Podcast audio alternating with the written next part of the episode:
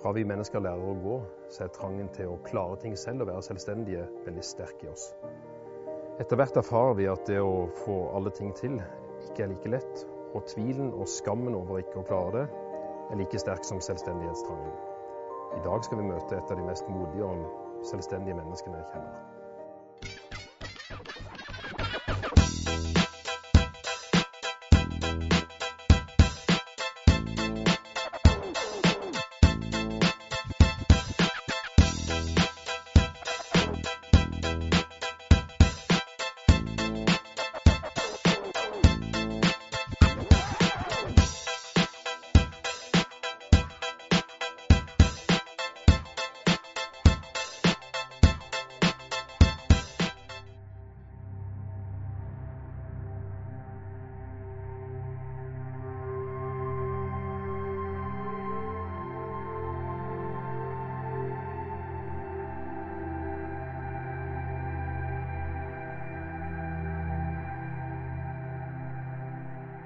Jeg vil være anonym fordi det er det dypeste av det dypeste for meg. Det er det som ligger lengst ned, og det er mitt. Det skal jeg få lov til å velge hvem som vet, hvem som ikke vet. Det er ikke rettferdig at folk bare skal kunne gå inn på en film og tenke at å, det er deg. Og så veit de alt som jeg tenker på, alt som jeg føler, alt som jeg har følt, alt som jeg har opplevd som jeg kanskje ikke ønsker å dele med alle den. Det er min greie å bestemme hvem som skal vite, og hvem som ikke skal vite. Jeg ville at mamma skulle kalle meg Thomas. Så jeg spurte mamma om hun kunne kalle meg Thomas. Men det gadd jeg ikke. Jeg husker mange tilfeller hvor, hvor vi var på var veldig mye på camping da jeg var liten. Eh, og da pleide folk å rope 'du gutten, kan du gi oss ballen?' hver gang jeg gikk forbi. Så var det én gang mamma kom forbi hvor hun kjefta på de ungene fordi de sa 'du gutten'. For da, det er ikke en gutt, det er ei jente. Jeg har aldri noensinne følt meg så ydmyka i hele mitt liv. Jeg har opplevd innmari mye rart. Men akkurat det tilfellet det er det verste som noensinne har skjedd med meg, tror jeg.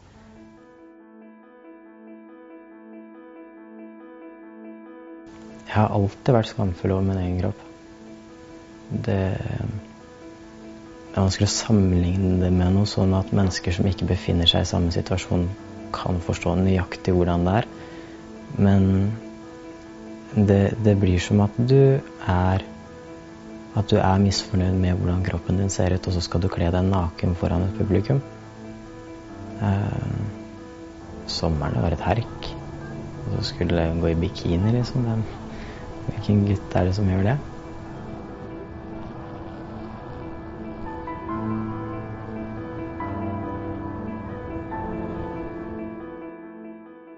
Den type skamfølelser, eh, enten det er at man skammer seg for å gjøre for mye av seg sjøl eller å gjøre for lite av seg sjøl, eh, er kanskje en av de mest alvorlige følelsene et menneske kan ha. Fordi at eh, skam handler på en måte om å tenke at man ikke er verdig. Problemet med skam, hvis man skal fjerne den, blir i verste fall å fjerne seg selv. Dyp skam er en følelse som kan være knyttet til selvmord. Slik at skam er en følelse vi trenger å lage et språk om. Løfte frem et språk om hva som kan være skamfullt, og hvordan håndtere skam. Fordi det vi ofte gjør med skammen, er at vi ikke snakker om skammen. For det er jo nettopp de sidene ved oss selv som vi ikke vil at andre skal se. Så skam er en komplisert følelse. Den er ofte knyttet til å skjule oss til å bli tause eh, og dekke til det som vi eventuelt frykter at vi skulle være skamfulle for. Jeg bestemte meg 100% for at dette her er noe jeg kommer til å gjøre uavhengig av hvem som står og støtter meg. Eh, det bestemte jeg meg for når jeg var 13. Og så vingla jeg litt fram og tilbake, for det var Altså 100% er aldri 100% før det er gjort. Eh, men jeg vingla veldig mye fram og tilbake fordi jeg var veldig redd for å være aleine. Jeg var veldig redd for å ikke ha en familie. Jeg er veldig glad i familien min. Jeg er veldig glad i mennesker. Og tanken da på å skulle stå helt aleine uten noen som kan se meg i og si at jeg er glad i deg fordi du er sånn som du er, uavhengig av hvordan tissen din ser ut, det var vondt, og det var utenkelig. Det Jeg blei veldig deprimert. Men når jeg fylte 14, så fant jeg ut at å skulle basere hele min framtid, hele min lykke, på hva alle andre tenkte, det er jo bare tøysete. For det er jo jeg som skal leve livet. Det er ikke dem. De kommer bare til å stå på sidelinja. Jeg er den som er nødt til å stå opp hver eneste dag med min kropp, med mine tanker og med mine følelser. Jeg er den som er nødt til å gå gjennom hele dagen. Jeg er den som er nødt til å legge meg med samme kropp, samme tanker, samme følelser. Og da skulle basere alt av valg jeg tar på hva andre tenker. Det er jo ikke greit. Jeg har lov til å være lykkelig, jeg òg.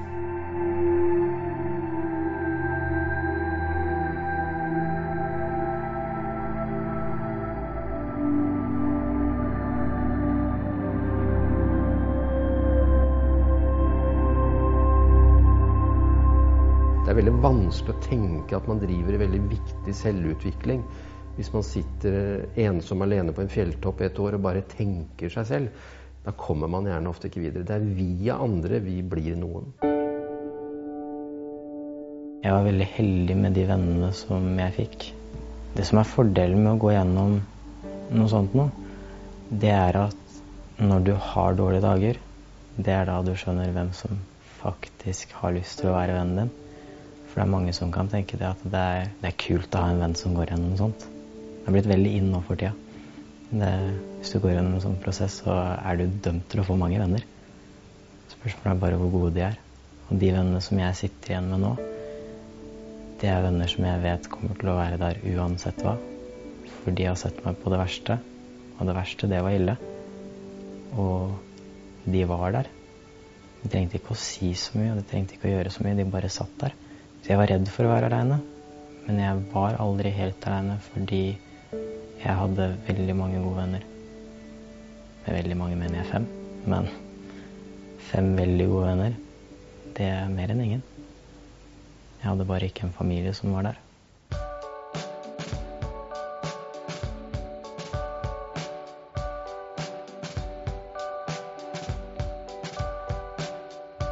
Det leiren her går ut på, er å møte folk som OK, de har kanskje ikke opplevd det samme.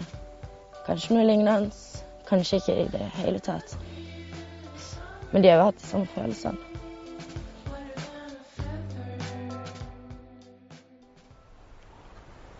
Strek opp og puster ut og kommer over på venstre side. Eh, Yoga og mindfulness det er jo noe vi har brukt i tusenvis av år.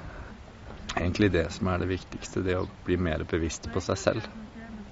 I eh, alt stress og jag og mas og egentlig mye som krever av oss til daglig, så glemmer vi veldig ofte fort bort at det er bare nå. At det er kun øyeblikket egentlig vi kan være til stede. For det er jo spesielt mange av disse ungdommene og utfordringene deres. Det er selvfølgelig øh, mye av bagasjen de kommer, for, uh, kommer med, er utfordringene de har både hjemme og sosialt og på skole. Det, det kommer mye. Men det er også tankene deres. Det er tankene og perspektivene deres som dessverre da også veldig tar en negativ retning. Og det er klart at fokuset vårt fungerer på en sånn måte at du kan bare fokusere på én ting av gangen, og det er også et mønster. Så når majoriteten av ditt fokus er på det negative og er på problemer, da er det klart at det blir veldig vanskelig også plutselig kunne finne veldig mye positivt når du allikevel har omgivelser rundt deg som er tøffe, er utfordrende. Så jeg tror og håper det er bare litt grann sånn at man skaper et lite anker for å huske når ting stormer litt rundt deg. Så finner du tilbake til pusten din og roer ting ned og husker at du kan finne en ro i deg allikevel. Puste rolig og ruller over høyre skulder. Bakover. Over venstre. Og puster ut og framover. Puster inn og retter hodet opp. Og puster ut. Jeg er redd for å få en familie. Jeg er redd for at barna mine skal bli mobba. Jeg er redd for at barna mine ikke, ikke skal like meg. Jeg er veldig redd for at barna mine skal bruke den imot meg at ja, men du er ikke pappaen min. På et punkt så var frykten så stor at jeg tenkte at jeg kan bare være aleine. Men så nådde jeg et punkt hvor jeg fant ut at alle familier har sine ting. Alle foreldre har sine krangler med barna. Og som det her blir min største utfordring som far, så vet jeg at jeg kommer til å bli en grisebra pappa uansett. Fordi jeg har så mye kjærlighet å gi. Og den ungen kommer til å være ordentlig heldig. Men frykten er jo der for det. Så frykt er blant de mest grunnleggende følelsene vi har, og vi, det samme har alle andre dyr stort sett. Man må kunne være Man må ane når det er farer ute og går, og dermed reagere deretter. Man må kunne flykte hvis det kommer et rovdyr. Man må kunne la være å ta et skritt frem hvis man står på kanten av et stup.